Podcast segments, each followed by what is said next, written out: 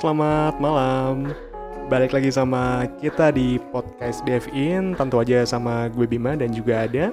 Zen, Oke, dan di episode kali ini eh, biasanya kan Zen yang buka nih. Kali ini gue ya Zen yang buka Zen betul sekali. Kali-kali lah ya. Biar pendengar tidak bosan Betul sekali.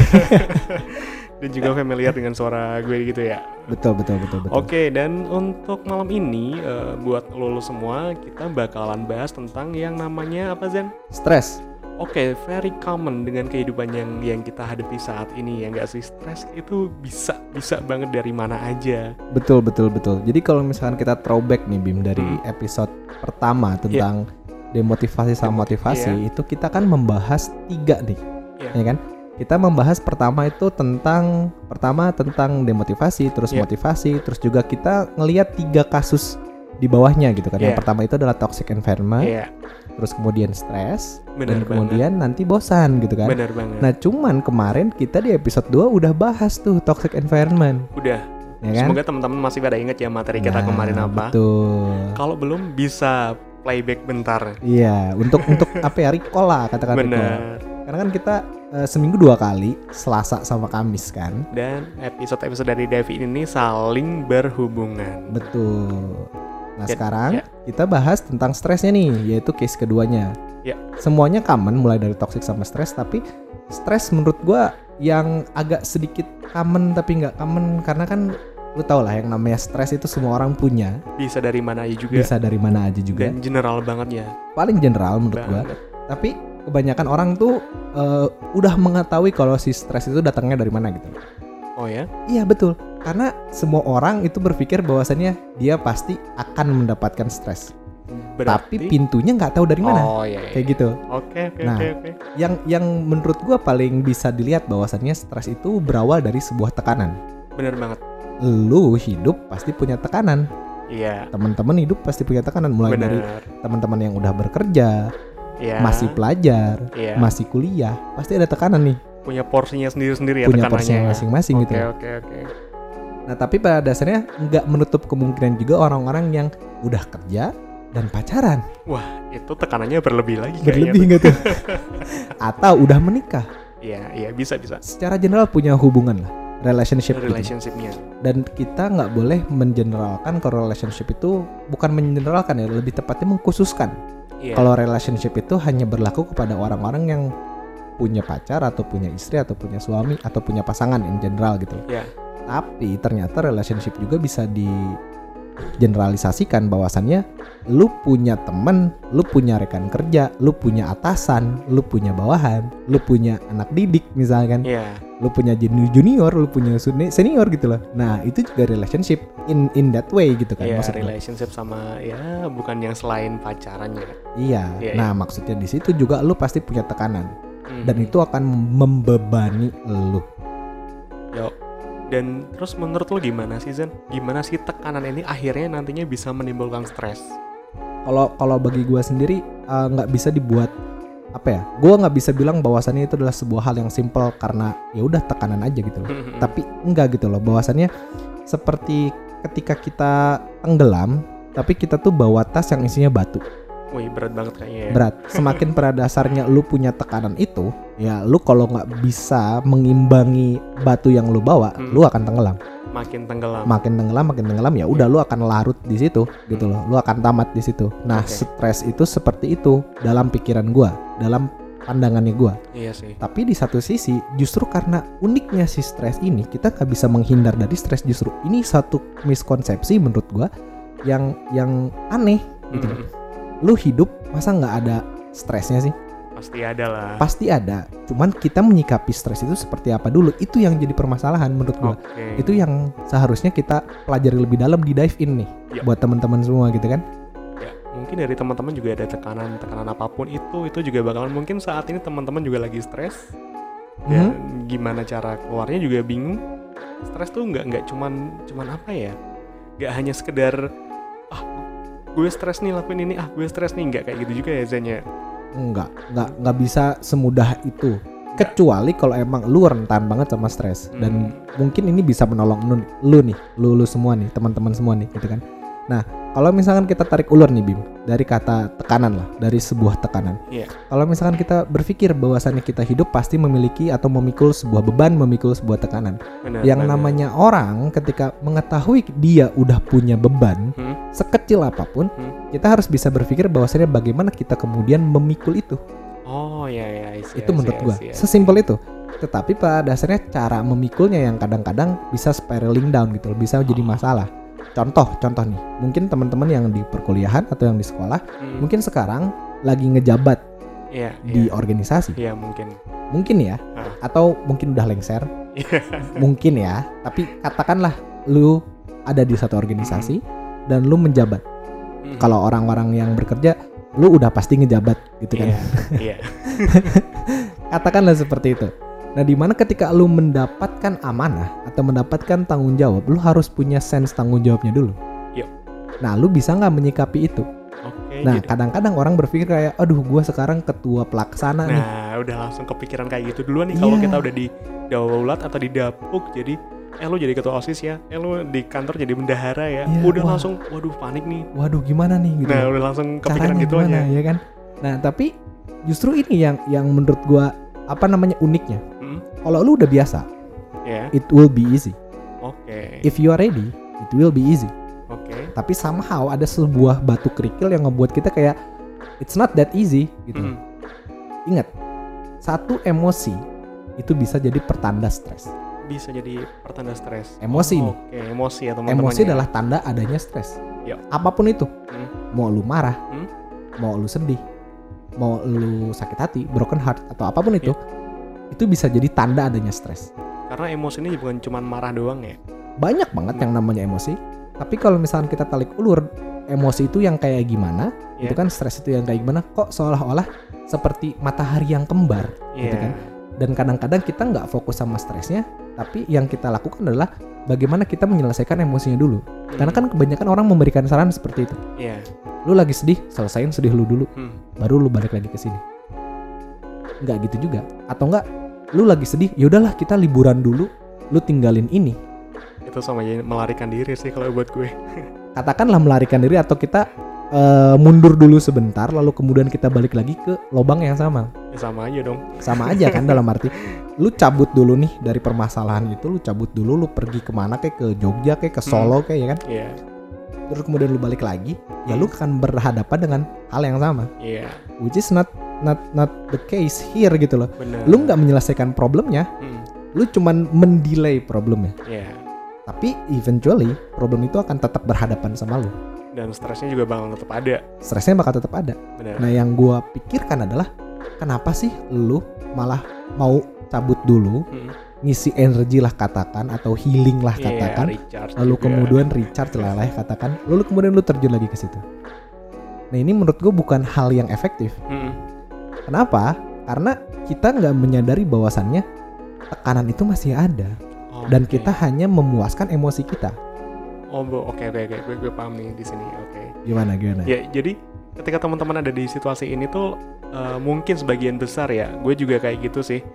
Kadang kalau gue lagi ada tekanan, gue juga mending milihnya cabut ke mana sih, entah entah gue keluar kota, gue cabut ke mana. Ya, ya mungkin Hmm. itu sebagai bagian dari yang menurut gue sama teman-teman mungkin juga mikirnya itu sebagai sebuah jalan keluar. Ternyata bukan ya isinya, malahan. menurut gue bukan jalan keluar tapi itu bukan sesuatu yang nggak boleh lu lakuin juga Iya. gitu loh. dalam artinya kalau kita berpikir prolong atau jangka panjang Hmm, ya ini nggak bisa dijadiin sebuah solusi gitu loh ini hanya mendelay permasalahan tapi Gitu. stresnya bakalan tetap ada, tekanannya Pasti bakalan ada. tetap ada. pasti ada contoh contoh case tadi kita ada di organisasi kan Iya. gue bilang kita balik lagi ke situ di mana pada dasarnya ketika dia menjabat lalu kemudian dia stres karena banyak yang harus dia tanggung Hmm, banyak yang harus dia pikul dan dia merasa terbebani oleh itu terus dia berpikir kayak gue kayak butuh sejam dua jam untuk rehat. Oke. ya kan? Gue mau healing dulu lah gue mau nongkrong dulu. Hmm, guess what? Dua jam kemudian permasalahan itu masih ada. Masih ada. maksud gua adalah kalau lu pikir yang yang lu secara detail lu lihat lu nggak menyelesaikan apa yang dikhawatirkan tapi lu me- menyelesaikan apa yang membuat lu khawatir di saat itu bukan di oke, masa oke. depannya Oke. nah ini bukan suatu hal yang efektif menurut gua Berarti dari diri sendiri dulu ya. Nah, iya, stres itu permasalahan persepsi. Mm-mm. Di mana pada dasarnya balik lagi ketika tadi gue bilang, ketika lu sudah berhadapan dengan stres dan lu ber- terbiasa lah untuk berhadapan dengan itu, maka ini akan menjadi sebuah hal yang menurut gue akan, oh, gue tahu apa yang harus gue lakukan. Mm. Manusia hidup selama beberapa tahun, lu misalkan berapa sih sekarang 17 tahun misalkan, lu udah hidup 17 tahun, Mm. ya kan? Lu udah menghimpun 17 tahun pengalaman. Iya. di tahun ke-18, di bulan depan, di hari lusa, lu akan mendapatkan sesuatu yang baru. Mm. Kalau lu nggak bisa correlate permasalahan yang lu hadapi dari yang dulu, lu nggak belajar sama sekali. Oke. Tanggung jawab, tekanan, beban, contoh, tugas kuliah, Ya, benar banget. Ujian. Waduh. ujian tengah semester, Waduh, waduh. ujian akhir. Di masa SMA, kita udah pernah. Iya, di kita udah SMP, pernah. kita udah pernah. Iya. kalau lu masih punya stres dengan itu apa sih menurut gua yang lu apa namanya yang lu khawatirkan sekarang Mm. Karena apa gitu loh lu terbebani oleh itu tugas gua banyak nggak kayak Hmm, zaman bener. SMA Iya. misalkan oke tugas lu banyak di zaman SMA mengkhawatirkan tugas nggak menyelesaikan masalah kerjain tugas Selesaiin masalah. selesaiin masalah Tugasnya selesai juga. tugas nih kalau misalkan kita pikirin tugas gua banyak gua nggak bisa sendiri ada teman Bener. ya kan Iya. kenapa lu harus sendiri Iya. gua nggak punya temen minta tolong sama orang buat kerjain bar Bisa. Selalu ada solusi sih. selalu ada solusi tapi kita kadang-kadang terbutakan karena kita punya emosi itu. Udah panik duluan. udah panik duluan gitu loh jadi si stres ini matahari yang di belakang adanya emosi Oh gitu. iya iya. jadi kita fokus sama emosi dulu jangankan contoh itu deh kita hidup di satu dimensi ini kita banyak hal yang kita garap kan. Hmm. mulai dari misalkan hubungan kita sama senior Iya. atau sama pacar Iya. di satu sisi kita di organisasi Hmm. di satu sisi kita kuliah. Hmm. Gila, kita dihadapi dengan empat nih, Udah gitu kan? empat loh. Udah empat nih, Belum keluarga ya. belum keluarga misalkan. Buat teman-teman yang misalkan lagi garap skripsi, ditekan sama keluarga, Wah, lu lulus kapan? Lulus kapan gitu. Dan satu lagi ketika udah lulus lu bakalan ditanya tekanan lagi. Nikah lu kapan? Kerja lu kapan? Iya kan? Iya iya. Maksud gue kayak itu nggak akan pernah selesai, bro. Iya. benar. Kecuali lu punya plan. Mm-mm. Kecuali lu punya sesuatu yang bisa dijadikan ini blueprint hidup Iya. gua. Nah, ketika kita sudah berpikir sejauh itu, maka kita nggak akan menyelesaikan apa namanya emosi kita dulu, tapi kita bisa self control terhadap emosi itu. Dalam apa ya buku yang pernah gue baca nih, eh, garapannya Profesor Sugarda, Oke. beliau pernah bilang bahwasannya emosi dan respon itu dua hal yang berbeda. Katakanlah emosi Iya. itu adalah kayak sedih, marah, Hmm. senang Hmm. gitu kan. Responnya itu bisa bermacam-macam. Nah, jadi kalau misalkan kita pikirin ketika kita emosi sedih, ada kok orang yang sedih tapi dia mukul-mukul tembok Ada. seperti orang yang marah. Ya. Ada orang yang marah tapi dia nangis. Biasanya banyaknya cewek tuh kayak Iya. gitu, ya kan? tapi dia marah. Padahal nangis identik dengan sedih. Nah, kalau kata Profesor Sugarda, menangis itu adalah cara seseorang untuk merespon terhadap emosi. Kalau kita balikin kata-katanya, bagaimana lu merespon terhadap stres? Apakah dengan liburan? Mm-mm. Apakah dengan menghadapi itu? Iya. Nah, ketika liburan adalah salah, salah satu cara lu untuk merespon. Respon stres apa ngerespon energi lu yang lagi habis? Mm-mm. Ini tolong lu pikirin baik-baik gitu loh. Mm-mm. Oke, ketika gua stres, gue butuh liburan. Apakah itu bener-bener yang lu butuh? Atau lu mengerti pada dasarnya stres gua nggak akan selesai kalau energi gua yang kosong nggak keisi. Bener, Makanya gue butuh liburan dulu. Oke. Oke, lalu kemudian itu menjadi respon bukan terhadap stres, tapi terhadap energi yang kosong. Stresnya lu respon. Setelah itu selesai, stresnya direspon, tekanannya direspon, dijawab, gitu. Maksud gua Mm-mm.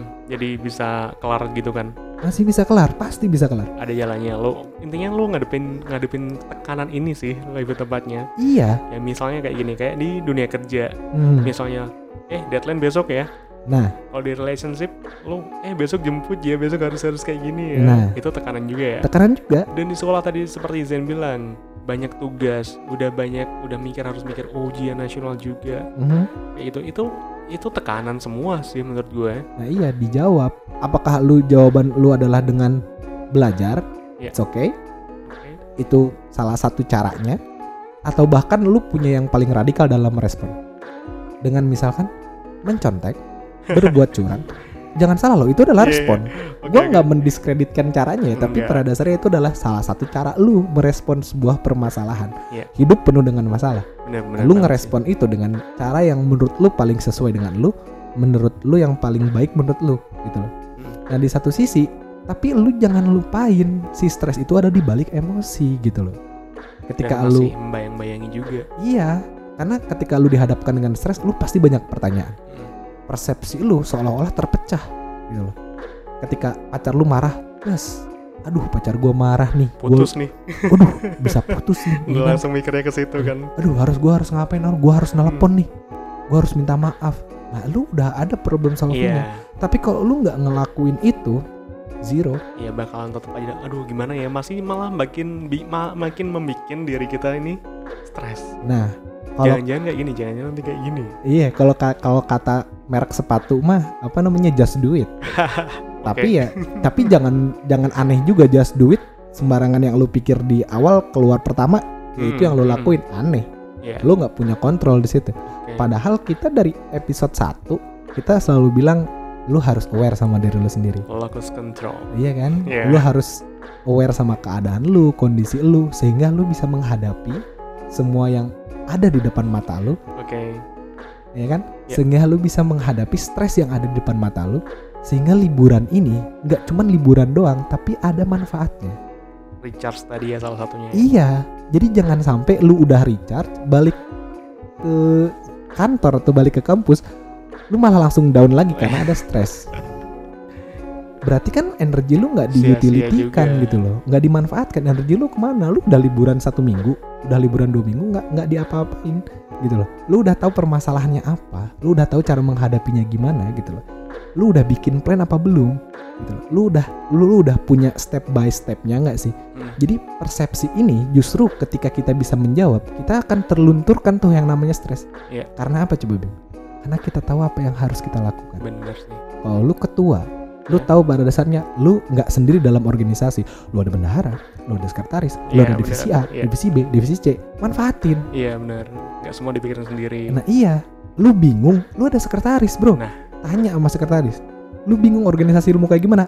Rapatin.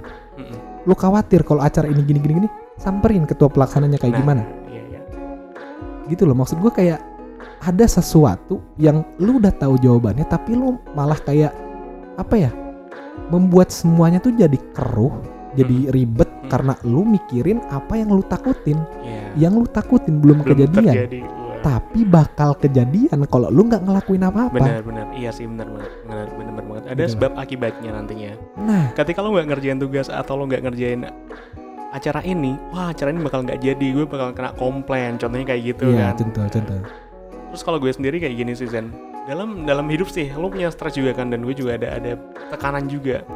Dan di sini kalau di dunia kerja gue di dunia kerja kayak gini gue punya punya job nggak cuma di main job doang tapi ada di luar. Nah Mhm. itu sebenarnya tekanan juga sih kalau dilihat dari sisi yang lain. Gue harus ini gue harus itu. Nah tapi ketika gue udah tahu plan apa yang harus gue lakuin ketika ngadepin deadline ini nah itu gue lakuin itu menurut gue bisa buat ngurangin stres atau tekanan dari diri gue sendiri sih iya benar kayak gitu. Contoh contoh yang lebih gampang nggak usah kita ngomongin masalah sekolah atau Ah, pacar iya. atau atau pekerjaan lah. Contoh misalkan lu main game. Mm, kata siapa? Nih mungkin teman-teman yang cowok bakal ngerasain nih yang namanya bahwasannya main game itu bisa ngebuat kita stres juga. Iya. apalagi game-game yang kompetitif. Benar kayak kayak ML atau Apex atau Hmm, PUBG lah yang hmm. kayak gitu. Ketika kita pada dasarnya bermain di ML lah katakan Hmm. kita pakai satu hero aja terus. Iya ya kan? Ya lu pasti bakal pada dasarnya melihat bahwasannya gue udah maksimal kok di sini. Mhm. gitu loh. Tapi kok gua kalah terus ya? Nah, kok gua kalah terus ya? Kok gua kalah terus ya? Wah ini salah temen-temen gua nih. Gitu. kalau kita lihat dari pembahasan pertama oh ini lu malah energinya lu manfaatkan buat locus control yang eksternal. Mhm. tapi lu bisa nggak be better? Terus dia bilang nih skor gua 10,1 Mhm. gua MVP di uh, tim gua yang lain gini gini gini. Ya lu coba pelajari lebih apakah warnya salah? Apakah ininya salah? Apakah itunya salah? Ya kadang memang kita harus kalah supaya Iya. kita belajar. Iya benar. Nah yang namanya stres itu kayak gitu. Lu kalau lagi stres ketahuilah kalau lu sedang dicoba. Bahkan dari sesuatu yang bisa bikin kita senang aja ada stresnya juga ada, ya. pasti ada, nggak mungkin. Kayak misalkan contoh pacar lu banyak tuntutan. Iya. Dan lu terbebani akhirnya untuk eh, apa namanya memenuhi tuntutan itu. Terus kemudian lu putus dengan dia dengan alasan ya lu lu banyak tuntutan, gua nggak bisa ngikutin semua tuntutan lu. Mm, Kalau itu jalan keluarnya, kenapa nggak dari awal? iya. Kalau itu sudah sudah terlambat bagi lu untuk rekonsiliasi dalam arti kayak membuat pasangan lu mengerti bahwasannya lu nggak bisa banyak tuntutan. Mm, jangan main asal putus aja misalkan. Bicarakan itu adalah step awal untuk merubah tuntutan menjadi sebuah hal yang bisa ditoleransi. Mm, kan kayak gitu. Sama kayak lu tadi di organisasi tuh. Ada sekretaris ada bendahara ada ada organisasi ada orang-orang yang lain ada hubungannya sama yang lain. Lu nggak sendiri lu Iya. manfaatin lu maksimalkan. Yep. gua rasa stres di situ akan kemudian terbagi-bagi tuh. Nah itu benar banget sih. Jadi semakin kecil semakin kecil semakin kecil terus hilang gitu loh. Kecuali beban hidup sendiri. Nah ini nih kemudian. Bagaimana nih kak kalau misalkan gua ada beban hidup sendiri? Kayak misalkan eh, skripsi. Skripsi Iya. kan tanggung jawab saya gitu loh. Hmm. Eh, terus eh, tanggung jawab moral misalkan. Gua anak pertama. Gue Iya. punya adik. Gua harus, Harus kerja. cari, cari kerja untuk membiayai adik-adik gua. Hmm, tanggung jawab pribadi kan? Oke. Kalau misalkan itu jadi case nya nggak hubungan sama orang lain. Lu coba lihat diri lu dulu oke. Ya kan? Kalau lu dalam skripsi, skripsi ada hambatan Mm, lu dengerin apa yang dikatain sama dosen. Iya. Dosen revisinya kayak gini lu ikutin. Kalau dosennya batu lu hubungin nih ini saran dari gue ya. Lu hubungin kajur lu Mm, ada satu divisi namanya kalau nggak salah eh dosen yang ngebagi-bagiin skripsi lo ke dosen-dosen pembimbing. Iya iya lu tanya sama eh, dosen itu apakah bisa untuk ganti pembimbing? Lu komplain kepada dosen tersebut bahwa saya dosen saya tidak kooperatif atau susah dihubungi Mm-mm. atau apa. Masih banyak effort-effort kecil yang Iya. lu bisa lakukan. Lu datang lebih awal lu bangun lebih pagi. Mm, karena ingat lu punya satu tujuan gitu. Iya. Lu punya satu tujuan dan lu ingat kalau dosen nggak bisa lu kontrol benar banget. Tapi yang bisa dikontrol itu lu. Diri sendiri dulu sih. Iya, lu under pressure. Tentu tentu pasti gitu loh. Nggak mungkin dosen nggak dihubungin. Gue pernah nggak di nggak dibalas nih chat gue Ah. dua bulan. Ketika masa online ya Hmm. dua bulan chat gue nggak dibalas sampai gue kemudian memutuskan gue samperin dosen. Hmm. gue samperin jalan. Iya. dan gue tanyain bu kenapa eh, susah dihubungin? Ibunya bilang pada dasarnya saya paling nggak bisa kalau online Oke, jadi tiap apa yang lo tekan ada tekanan atau atau ada stres itu pasti selalu ada jalan iya dari pasti diri sendiri. pasti. Harus harus mulai dari diri sendiri sih kalau buat gue Sen tetap Nah, Sen. persepsi itu yang kita mainin. Kalau Hmm. misalkan kita mendekati diri kita kepada profesionalisme, gua rasa itu bakal semuanya awam. Benar Lu yang namanya profesionalisme nih, jangan pikir kalau profesionalisme itu hanya berlaku ketika lu bekerja, sih. Mm, berorganisasi atau apa ya berkepanitiaan. Enggak loh. Tapi lu bisa profesional terhadap diri lu sendiri, Iya. terhadap apa yang lu lakukan. Karena ingat, mahasiswa itu pekerjaan di KTP. Iya. Pelajar juga dong. Pelajar juga, pelajar juga, Iya. ya kan? Lu Iya. harus profesional dong, bro. Kalau lu udah ada pekerjaan gitu kan yang nggak ada pekerjaan itu pengangguran kalau pengangguran nggak bisa profesional iya nggak sih iya benar banget sih. nah tapi pada dasarnya kalau kita mau berharap pada dasarnya kita berhasil maka carilah step-step yang bisa membuat kita berhasil.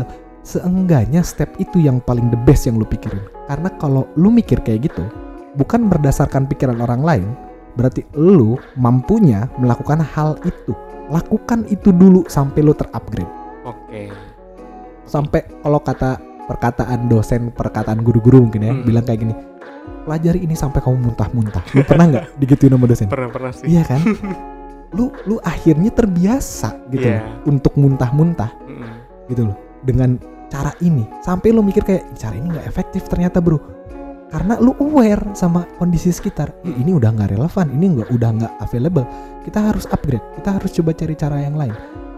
Stres direspon dengan cara yang kayak gitu. Sementara emosi direspon dengan self control ini akan menjadi matahari yang terpisah. Lu Ya. bisa ngelihat lu stres karena lu tahu lu ada tekanan lu bisa ngelihat bahwasannya emosi ini nggak sepenuhnya mengkontrol diri lu. Iya.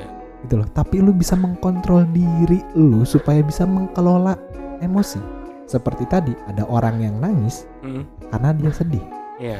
gimana kalau misalkan lu sedih tapi lu nggak menangis? Lu cuman bilang bahwasannya lu sedih. Mm, lalu kemudian lu merespon itu dengan sikap. Lu merespon itu dengan kelakuan lu. Nggak menjauhi orang tersebut tapi lu bilang ke orang itu bahwasannya gue sedih mm, gue kecewa sama lu Hmm. gue nggak tahu gue harus kayak gimana tapi gue butuh waktu sendiri. Misalkan Ya. gue pengen nyelesain ini dulu sama diri gue tapi di satu sisi lu tahu ada stres beban edukasi nih lu tetap jalanin itu. Karena nggak ada hubungannya pacar sama edukasi. Gitu loh. Bener sih. pacar lu nggak ngebuat lu pinter pacar lu nggak ngebuat lu lulus. Mm, iya kan? Bener banget. Ya, di situ maksud gue energi lu harus bisa lu ngelihat dua permasalahan nih ada di mana gitu kan Jadi akhirnya di sini stres nih bisa jadi eh, kalau kita apa ya? Apa ya? Bisa jadi sebuah sebuah apa nih sefruit sefruit Bentar, sefruit apa ya gue bahasanya ya stres ini nggak selalu nggak selalu muncul dari emosi kita gitu sih ya enggak tapi emosi itu akan jadi tanda adanya stres yang tadi gue Oke. bilang nah maka pada dasarnya kita harus mengerti kalau misalkan justru karena ada emosi kita harusnya tahu oh gue lagi stres nih. Hmm. kita cari tahu apa yang membuat kita stres bukan emosinya gitu loh. Tapi emosi pertanda daripada stres. Kalau lu menyelesaikan emosi dulu stres nggak nggak Oke. terselesaikan. Tapi lu harus bisa pursu dua-duanya. Hmm. secara perlahan nggak masalah gitu loh. So akhirnya stres ini bisa dihadapi kalau kita udah tahu apa yang harus kita lakuin ya Zen betul berarti ya? Banget betul banget. Kayak gitu sih intinya sih ya intinya teman-teman ya. kayak gitu. Jadi permainan persepsi ini penting dalam Benar. pikiran kita seolah-olah kita berperang dengan pikiran kita. Bener sih stres tuh emang dari pikiran sih. Iya lu pasti banyak pikiran kayak gitu. Nah makanya karena kebanyakan orang berpikir banyak lalu kemudian kita jadi jenuh. Mm, wah hidup gua gini-gini terus. Apa pun yang gua lakuin monoton repetitif nggak akan ada selesainya. Bener permasalahan ini pasti akan terus berulang-ulang permasalahan ini pasti akan selalu ada. Ngapain gua selesaiin ini lalu ini lagi lalu ini lagi? Gua udah tahu caranya. Ya kan? Nah Yep. kalau kayak gitu lu bukan di masa stres lagi tapi lu akan ada di masa bosan. Karena gue bilang tadi apa? Ketika stres telah menjadi awam oleh lu karena Iya. lu profesional Mm, dalam menghadapi itu semua lu akan bosan. Benar. Karena lu udah bisa semua Tantangan yang lu biasa lakuin udah gak ada udah- tantangan lagi udah ada tantangan lagi. Maka pada dasarnya untuk membangkitkan semangat lu, untuk membangkitkan performa lu, cari level baru, butuh tantangan juga butuh tantangan juga. Kalau lu udah pernah naik gunung berbabu, lu Hmm. cari gunung lain, Bener. Sumbing kek, Iya. Sindoro kek, Iya. Slamet kek. Iya. Nah, baru Semeru. iya benar banget Orang yang udah 100 kali ke Semeru, ya kan? Iya. Dia udah tahu nih treknya kayak gimana, dia udah tahu harus kayak gimana. Dia nggak akan stres. Tapi lu yang pertama kali ke situ, lu pasti stres. karena udah waduh udah Semeru bro Iya. tapi ada orang yang baru pertama kali ke situ tapi dia prepare, dia nggak akan stres. benar banget sih Iya nggak? Iya. Nah, jadi pada dasarnya nih temen buat teman-teman semua, ketika kalian stres, kalian harus mengetahui pada dasarnya kalian sedang berada dalam sebuah ujian. Ketika ujian, kalian respon itu dengan membuat step-step di mana kalian bisa mengetahui apa yang harus kalian lakukan. Ketika kalian menghadapi sebuah emosi, ingat kontrol diri. kontrol Dan, diri dan di satu sisi, yang namanya emosi menjadi sebuah tanda adanya stres. Selesain dua-duanya secara perlahan, gak usah buru-buru, take your time. Ketika itu berhubungan dengan orang lain, involve dengan mereka. Ya. Ketika itu berhubungan dengan sendiri, bangkit, jalan pelan-pelan sesuai dengan apa yang lo bisa lakuin yang terbaik buat lo. siap siap kita harus coba dari diri sendiri dulu pokoknya Ya, dari dive in berpesan untuk itu aja ya teman-teman. Jangan lupa kita akan selalu ada nemenin kalian dari jam 5 sore setiap hari Selasa sama Kamis dan untuk episode berikutnya kita akan bahas bosan dan jenuh. Teman-teman, selamat malam, selamat beristirahat. Saya Zen, dan gue Bima selamat Kita- malam kita undur diri, selamat malam. thank you